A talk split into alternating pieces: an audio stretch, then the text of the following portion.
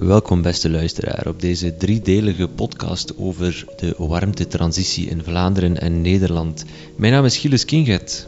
En ik ben Pieter Jan van de Wegen. Beide werken wij bij de POM Oost-Vlaanderen. Deze podcast werd mogelijk gemaakt door het Intrecht-project CEL. Ja, en CEL is een Intrecht Vlaanderen-Nederland project waarbij we een methodiek trachten te ontwikkelen voor de energiegemeenschap van morgen op bedrijventerreinen in Vlaanderen en Nederland. Uit Nederland afgevaardigd hebben we Frank de Bruin, actief als consultant in deze thematiek. En daartegenover stellen we Bram Pauwels, die werkt bij de coöperatie Beauvant, vooral bekend voor hun uh, grootschalig warmtenet in Oostende. Veel luisterplezier. Ja, het is misschien leuk om uh, jullie zelf eerst een keer voor te stellen. Uh, waar, allee, waar jullie mee bezig zijn, met welke projecten of mooie projecten dat jullie bezig zijn.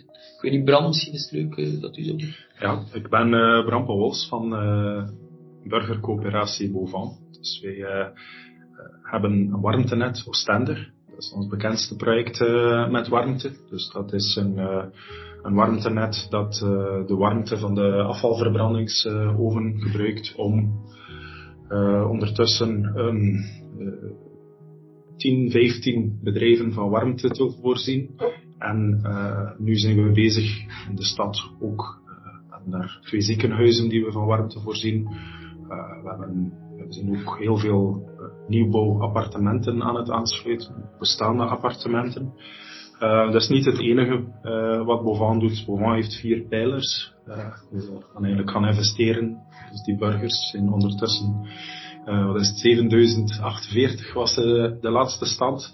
Uh, die hebben samen uh, een uh, slordige 15 miljoen euro verzameld. En met dat geld investeren we in zon, wind, warmtekrachtkoppeling en warmtenet. Dat is wat we doen. Alright. Frank, misschien kan jij even kort jezelf voorstellen? Ja, nou, Volgens mij kennen jullie mij wel een beetje, Frank de Bruin. Ik heb um, lang voor de provincie Noord-Brabant gewerkt als energie- en vooral gericht op warmte.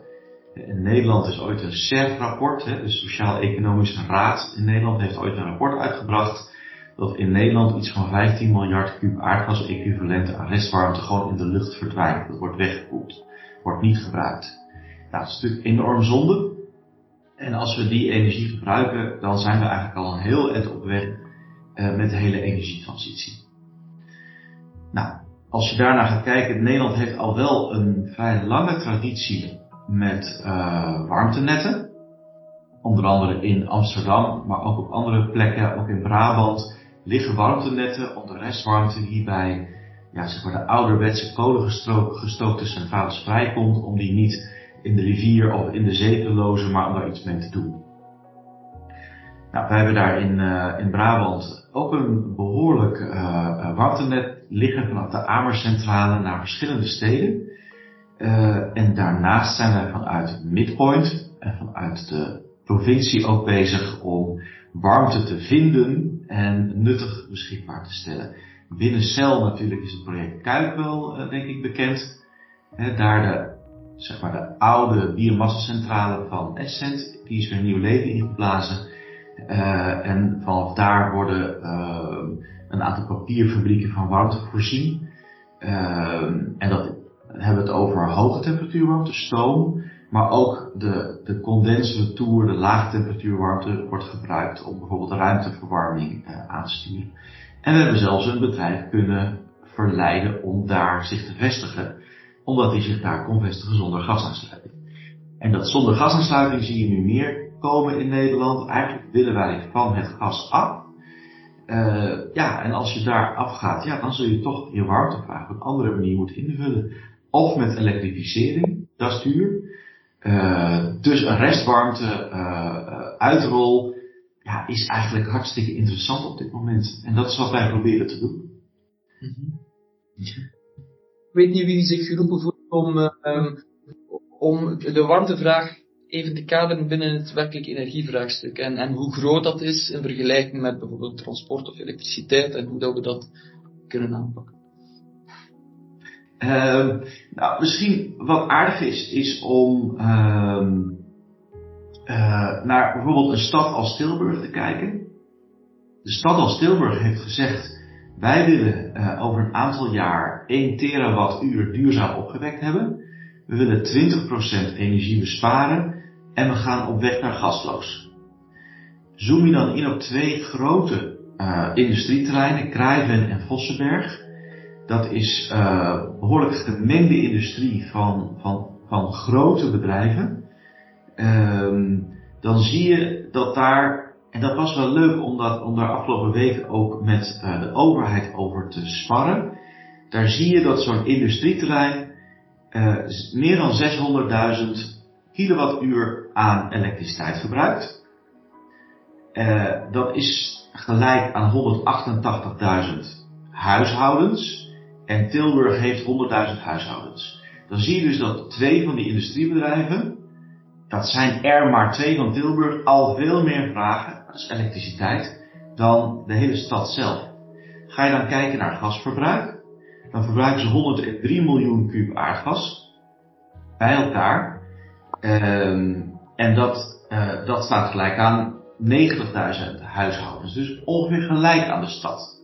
Dat kun je weer opdelen in een deel wat echt voor hoge temperatuur toepassing wordt gebruikt, maar ook in een deel wat voor lage temperatuur toepassing wordt gebruikt.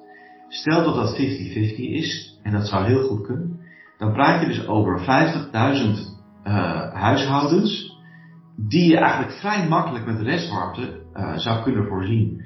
En dat wordt eigenlijk nog nauwelijks gezien. Uh, maar is een heel belangrijk onderdeel. Dus ja, daar willen we heel graag iets aan gaan doen. Dus als je dat zo op die manier gaat inkaderen, uh, dan kun je ook iets. En, en Tilburg heeft eigenlijk gezegd, nou ja, biomassa zien we eigenlijk niet zo zitten. Maar één grote vergister zou al 40 miljoen kub aardgas-equivalenten kunnen opleveren. Dan ben je er eigenlijk al. Uh, en als je gaat kijken nu naar zon en wind, uh, dat doen we ook in, in, in Tilburg. Maar voor die 1 terawattuur duurzaam die je dan wil opwekken, heb je 2600 voetbalvelden zonnepanelen nodig. 130 windmolens in zo'n klein gebied ook onmogelijk. Of een hele grote vergister. En als je op die manier gaat kijken van hoe gaan we het invullen, is dat heel interessant om te gaan kijken naar warmte en restwarmte. Naar de hoge temperatuurwarmte, dus gas en lage temperatuurwarmte, restwarmte. En restwarmte wordt daar denk ik in onderschat. Ik weet niet of dat een beetje beeld geeft over het belang van warmte en restwarmte. Ja, ik kan aanvullen. Ik, uh, even uit het hoofd de cijfers. Ik, uh, ik heb ze wel staan. België, ik ga alles in terawattuur uitdrukken, heeft in totaal energieverbruik van 400, 450 terawattuur. En daarvan is iets van een 80 à 90 elektriciteit. En 180 gas, dus dat is eigenlijk bijna de helft. En auto's nog een keer grote orde 100, 110 terawattuur.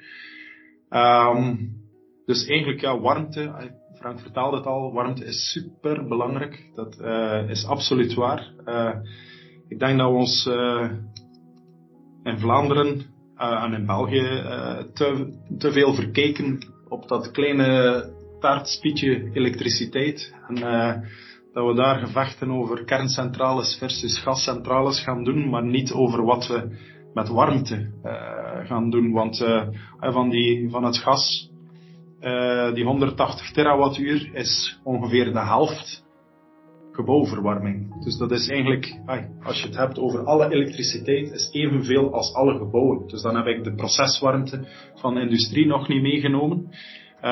Dus dat is een enorme opdracht om dat te gaan verduurzamen. En uh, ja, daar moeten we inderdaad, je, je kunt het niet met uh, elektrificatie en, en zonnepanelen en windmolens alleen. Je moet restwarmte van overal gaan halen uh, uit bestaande industriële processen, uit wat mij betreft ook nog altijd uit al die thermische centrales die er nog staan, of uit kerncentrales. Dat moet allemaal gebeuren.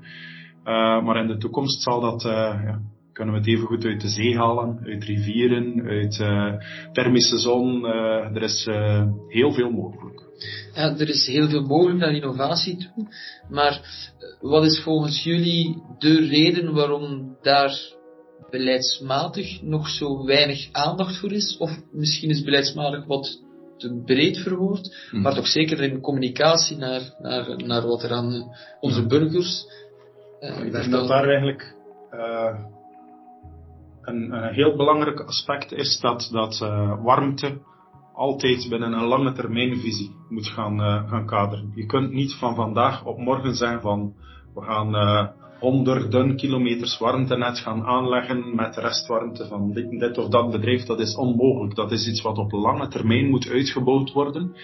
En uh, als je kijkt, uh, ja, politici, uh, legislaturen zijn vijf, zes jaar. Maar evengoed ook, ik ga de politici niet overladen met alle zonden. we hebben het evenzeer ook, onze media gaan ook gaan focussen op, op steekvlammetjes, op dingen die nu belangrijk zijn en morgen alweer vergeten. En dat botst met dat lange termijn karakter van warmte, warmtevoorziening. Ja. Is dat herkent, Frank? Dat dat inderdaad een groot struikelblok is, het feit dat warmte op lange termijn moet aangepakt worden en, dat dat niet strookt met de, de politieke cyclus? Ja, ik herken heel erg wat Bram zegt. Uh, als je gaat kijken naar uh, stadsverwarming, is eigenlijk destijds alleen maar aangelegd door uh, Nederland, in Nederland dan, hè, door, de, door de grote energiemaatschappijen die denken in lange termijn. Die warmtenetten die werden afgeschreven over 40 jaar. Terugverdientijden van 25 jaar. Maar die zagen dat wel als hun maatschappelijke rol. Nu die energiemaatschappijen natuurlijk allemaal geprivatiseerd zijn, kijken ze naar veel kortere termijn. en er is wel weer een tendens om weer wat op langere termijn te gaan denken.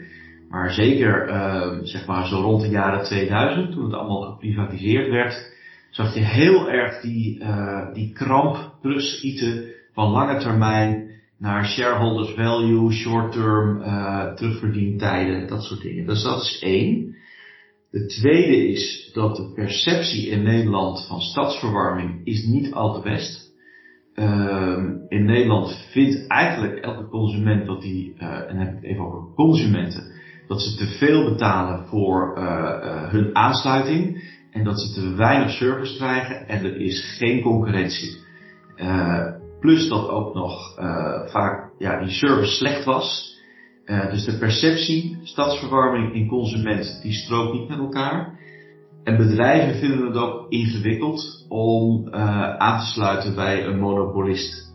Dus dat, dat komt er ook nog bij. En ander punt uh, is dat eigenlijk onze energie natuurlijk jarenlang veel te goedkoop is geweest. Ja, is een beetje aardgas verbranden voor warmte, joh, het kostte eigenlijk niks. Uh, zeker de grote gasverbruikers waren na een paar maanden door al hun belastingschijven heen. Een duurzame energiebelasting. Dus ja, kost het niks, zeker niet, zeker niet als het Europees inkochten. Uh, nu is dat wel anders aan het worden, ook al omdat men ziet dat elektrificatie eigenlijk niet gaat lukken. Omdat de netten in Nederland gewoon eigenlijk al overbelast zijn. Ze zijn, als je gewoon naar de kaart kijkt, uh, van Netbeheer Nederland, dan zijn heel veel gebieden in Nederland oranje of rood. Dus zon bijleggen, dat je kan vaak niet terugleveren. Wind bijzetten, het net kan het niet aan. Laat staan als we stoomketens op gas gaan elektrificeren, die trekken zoveel elektriciteit uit het net. Dat kan het net niet aan. Dus we moeten echt op een andere manier gaan kijken naar de oplossing van het warmtevraagstuk. Dus het sluit wel erg aan ook met, met wat Bram net, uh, net zegt. Ja. Ik had ook, uh, ik, bij mijn voorbereiding had ik ook genoteerd dat warmte en elektriciteit heel nauw verweven zijn met elkaar en dat we dat vergeten. Dus dat is eigenlijk wat je net zegt, Frank. Dus als je de, de elektriciteitsnetten niet gaat verzwaren, dan kom je in de problemen. Dat is waar Nederland nu tegenaan botst. En dan, gaan, dan komt er geen hernieuwbaar bij, maar dan kun je ook niet gaan elektrificeren. Dus je, je, je zult het slim moeten aanpakken. En er zal sowieso moeten geïnvesteerd worden, ook in die verzwaring van elektrische netten. Dus het is, het is en, en. Ja, Terwijl we vandaag de dag in Vlaanderen, of dat wordt toch gezegd, dat onze elektriciteitsnetten, dat die op dit moment, Fluvius wil toch graag zeggen, dat die sterk genoeg zijn. En dat wij die problemen uh, niet kennen of niet in die mate kennen uh, als in Nederland.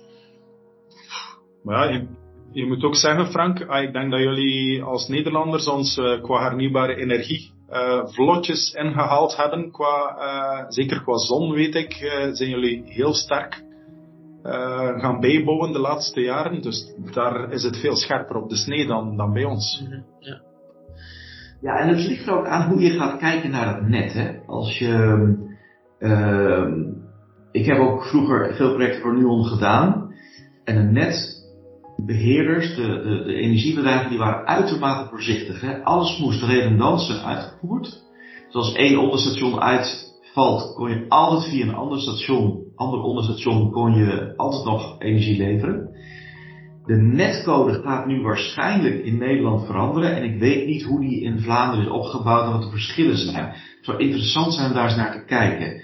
In Nederland zeg je nu eigenlijk dat het net, uh, en ik zal, het maar indexcijfer noemen, nu voor 100 wordt gebruikt.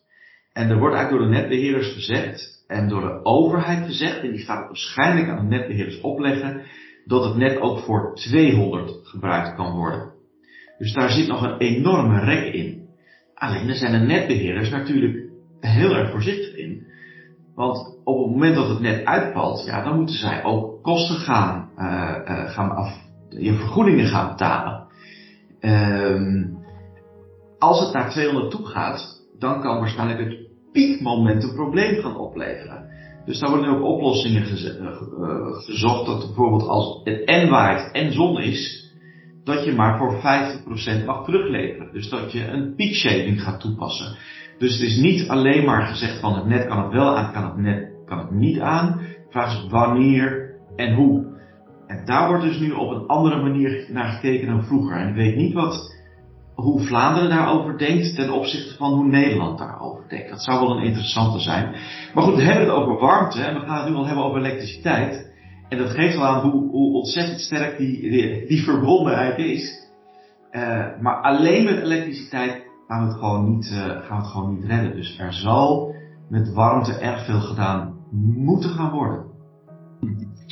Ik denk ook als je, als je het hebt over gebouwen, verwarming, uh, dat, het, dat er ook nog andere aspecten meespelen dan simpelweg zeggen van ah, iedereen een warmtepomp. Want uh, we hebben de, de sterkte van de elektrische netten aangehaald, dat klopt. Maar evengoed als je in een stadcentrum, als iedereen een luchtwaterwarmtepomp gaat zetten met zo'n unit, buitenunit, dan wordt dat één gezoom in die straat en dat, dat zal de leefbaarheid ook uh, gaan hypothekeren. Dus uh, ik denk als je het hebt over, over warmtenetten, over gebouwverwarming, dan moet je in uh, stedelijke kernen gaan kijken naar, naar warmtenetten. Collectieve collectieve oplossingen. Ja, en, en misschien, misschien zeker ook in combinatie met, met, met koude levering. Want de, ja. de hitte-eilanden, dat, dat komt allemaal samen. Mm -hmm wat, wat wij ook gemerkt hebben in het verschil tussen Vlaanderen en Nederland, is dat er in Nederland naar uh, juridische wetgeving, dat er al een, een veel langere traditie voor bestaat uh, rond warmte en koude levering. In Vlaanderen eigenlijk helemaal niet. Het is eigenlijk heel vloe. Uh, wat zijn de oorzaken daarvoor? Of, of, of, hoe komt dat eigenlijk? En, en is het een goede zaak eigenlijk? Nee, ik denk dat, dat Nederland zoveel wetgeving heeft omdat ze een traditie in stadsverwarming hebben. Mm. Uh, in Vlaanderen is dat nooit gebeurd. Uh, wij hebben historisch niet ingezet op warmtenetontwikkeling. Uh, er waren kleine initiatieven met stoomnetten of vanuit afvalverbrandingscentrales, maar dat was het. en men heeft dat laten gedijen in een, in een regelluwe ja, zone, zeg maar. En, en oké, okay, daar, daar zijn initiatieven uh, nu om dat te gaan uh, aanpassen. Ik denk bijvoorbeeld aan uh, een kopie van de sociale tarifering van elektriciteit en gas naar warmte. Dat is goed.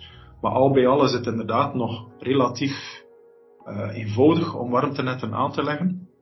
Ik denk, ik ben geen voorstander om een warmtewet te hebben zoals in Nederland, waar je een heel boek hebt om te berekenen uh, hoeveel alles uh, equivalent moet gaan kosten, niet meer dan anders en zo. Uh, er zijn, we zien in Vlaanderen warmtenetten opstaan, ook zonder dat regelgevend kader.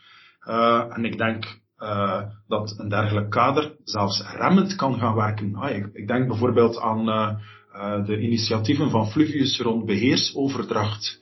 Uh, die, zijn, die zijn nefast voor privaat initiatief in zaken warmtenetten. Dus dat, dat gaat dat gaan hypothekeren. Uh, een, een toegewezen monopolie, dat, dat, dat, uh, dat kan niet wat mij betreft. Ik denk dat we vrijheid moeten laten om, om initiatieven te laten bottom-up ontstaan. Ja.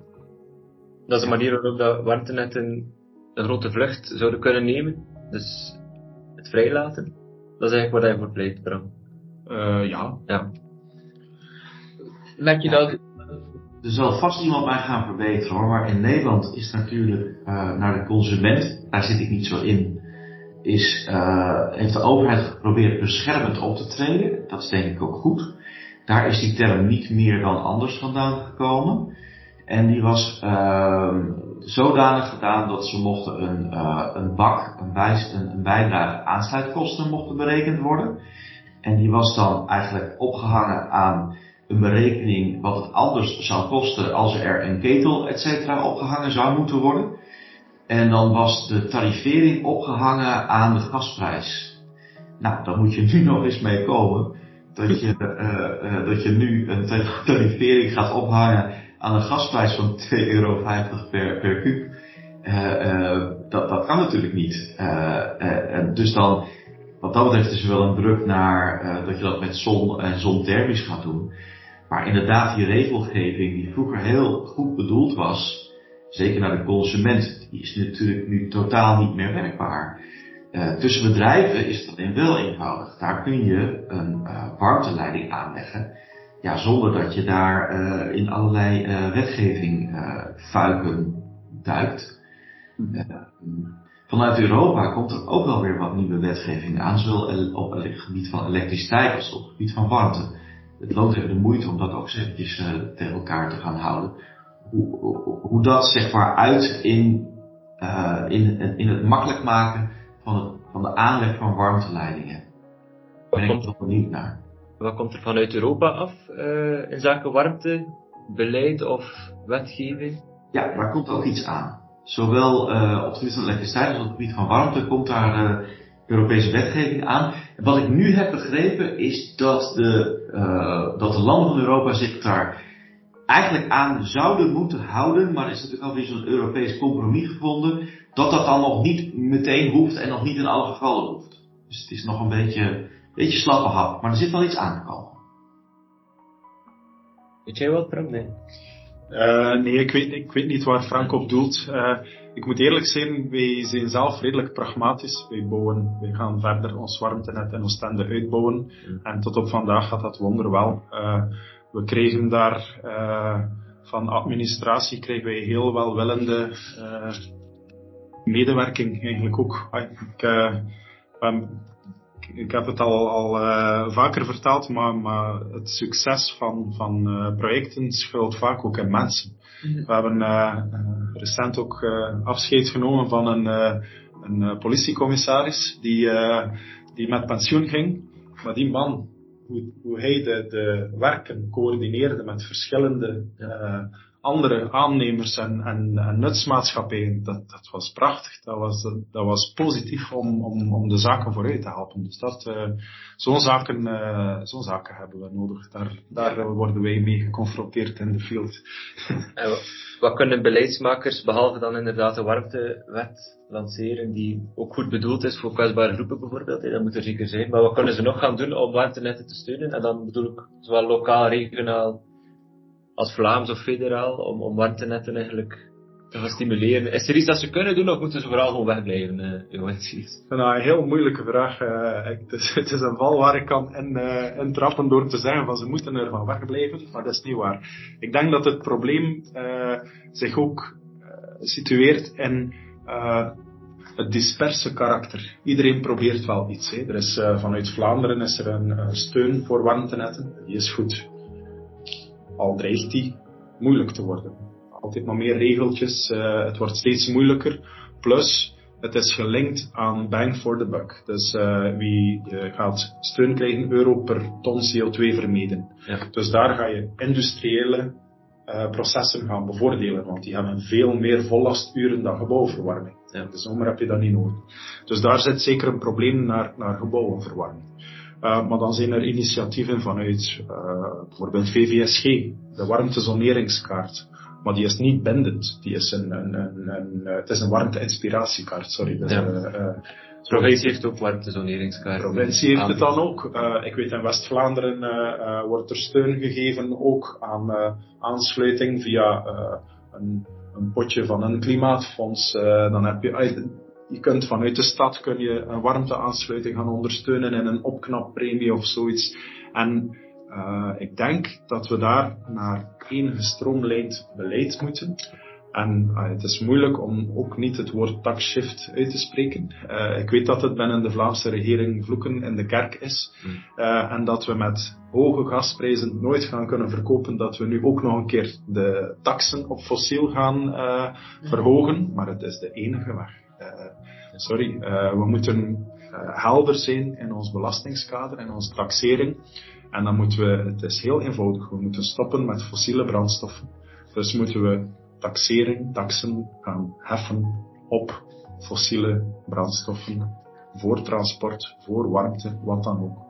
Ik heb thuis een, een groene stroomcontract en ik betaal al jaren meer heffingen dan op mijn aardgascontract. Mm. Dus daar kan ik niet, uh, daar kan ik niet bij. Ja, dus taxshift en ook het, het disperse karakter treft meer te stroomlijnen in zaken beleid en ondersteuningsmaatregelen. Ja, maar het is, het is eenvoudig. Uh, warmtenetten, dat is voor de stedelijke kernen. Dus maak er werk van. Uh, als je kijkt waar warmtenetten ontstaan, dan is dat in, uh, in Gent, in Brugge, in Roeselare.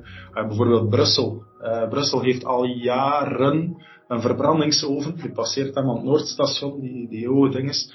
Daar heeft men drie jaar geleden of zoiets, drie, vier jaar geleden, heeft men een warmteleiding naar het Koninklijk Paleis in Laken gelegd. Hmm. Maar dus die warmte van die verbrandingsoven, daar kun je heel het Noordkwartier mee gaan verwarmen. En wat recent heeft men daar nu een studie uh, aangekondigd. Maar sorry, de tijd van studeren is voorbij. Brussel is een no-brainer. Gewoon huizen leggen en uh, gebouwen aansluiten. Dat is wat we moeten doen. We moeten uh, de, boots on the ground en de, en pipes in the ground. Dat is wat moet gebeuren. Heb je daar iets op, op, op, aan toe te voegen, eh, Frank? Dus wat zouden beleidsmensen op elk niveau kunnen doen om echt die, die boost in, in, in, warmtenetten en zo meer verder uit te rollen? Wat hebben jullie nodig? Nou ja, wat er nodig is, is um, wat mij betreft uh, betere financiering. Um, als je nu naar commerciële partijen gaat om een warmtenet uh, uit te rollen, uh, dan wordt het vanwege de terugverdientijden en zeg maar return on equity, wordt het heel erg lastig. Dus daar zal, daar zal mijn inziens echt iets moeten gebeuren, dat daar een, ja, een, een overheidsfinanciering opkomt die, uh, die zegt wij vinden een terugverdientijd van 25 jaar prima. Ik denk dat dat een van de, van de belangrijkste dingen is. Um, ja, en, en daarna uh, dus de wetgeving veranderen, dat het ook eenvoudiger wordt om ook concurrentie toe te laten op warmtenetten. En dat het naar vijfde generatie warmtenetten toe gaat. Dus dat het niet alleen maar die 130 graden warmtenetten zijn, maar dat je ook kan en mag invoeden met andere temperaturen en kan en mag afnemen uh, op een andere manier. En dat het niet alleen maar uit één bron hoeft te komen, dat er dus meerdere bronnen zijn. Daar zal echt iets moeten veranderen. Ja, Mag ik daarop inpikken? Ja, doe maar. Uh, ik weet, voor ons is financiering geen probleem, totaal niet. Uh, ik vind het vreemd dat Frank uh, met dat probleem worstelt. wij ervaren dat, dat banken eigenlijk bijna staan te vechten om een, een warmtenet te mogen financieren. Zo van, ja, dat hadden we nog niet in onze portfolio. Dus we kregen daar heel goede voorwaarden op lange termijn, op heel lange termijn. Um, natuurlijk, uh, we zijn daar ook wel gedacht, we kregen steun uh, vanuit Vlaanderen, dus dat helpt ook wel om het eigen vermogen op te krikken. Dus dat is misschien wel iets wat uh, bij ons daar wel mee aan die kar helpt te trekken om, om vooruit te krijgen. Nou, ik denk dat we dan maar eens wat, wat, wat van onze projecten via de, de Vlaamse link moeten gaan, moeten gaan financieren. Ik heb hier trouwens nog wel iets gevonden over de, over de richtlijnen, ook op het gebied van elektriciteit. Lidstaten moeten ervoor zorgen dat energiegemeenschappen voor burgers toegang krijgen tot alle markten direct of via een aggregator. En lidstaten, lidstaten mogen ervoor zorgen dat energiegemeenschappen voor burgers het recht hebben op lokale netten te bezitten, op te richten, te kopen of te huren en deze te beheren. Dus dat is zeg maar die nieuwe Europese wetgeving die er aankomt. Uh, en dat vind ik wel een hele interessante. Ja, die, die, uh, die wetgeving rond energiegemeenschappen die is er op Europees niveau al een tijdje. De problemen zitten in, eerder in het, uh, in het vertalen. De implementatie. In de implementatie. Ja, ja. ja oké. Okay. Klopt. Klopt. Maar dit is waar ik het dus daarnet over had, dat Europa wil dit ook eenvoudiger gaan maken voor uh, lokale communities om aan de gang te kunnen gaan met, met die restwarmte en ook met het sturen van elektrisch, eh, elektriciteitsstromen, om minder afhankelijk te zijn van net en netcongestie. Zo, dat was alweer een podcast-creatie van de POM Oost-Vlaanderen, of kort een POMcast. Bedankt voor het luisteren. En tot de volgende keer.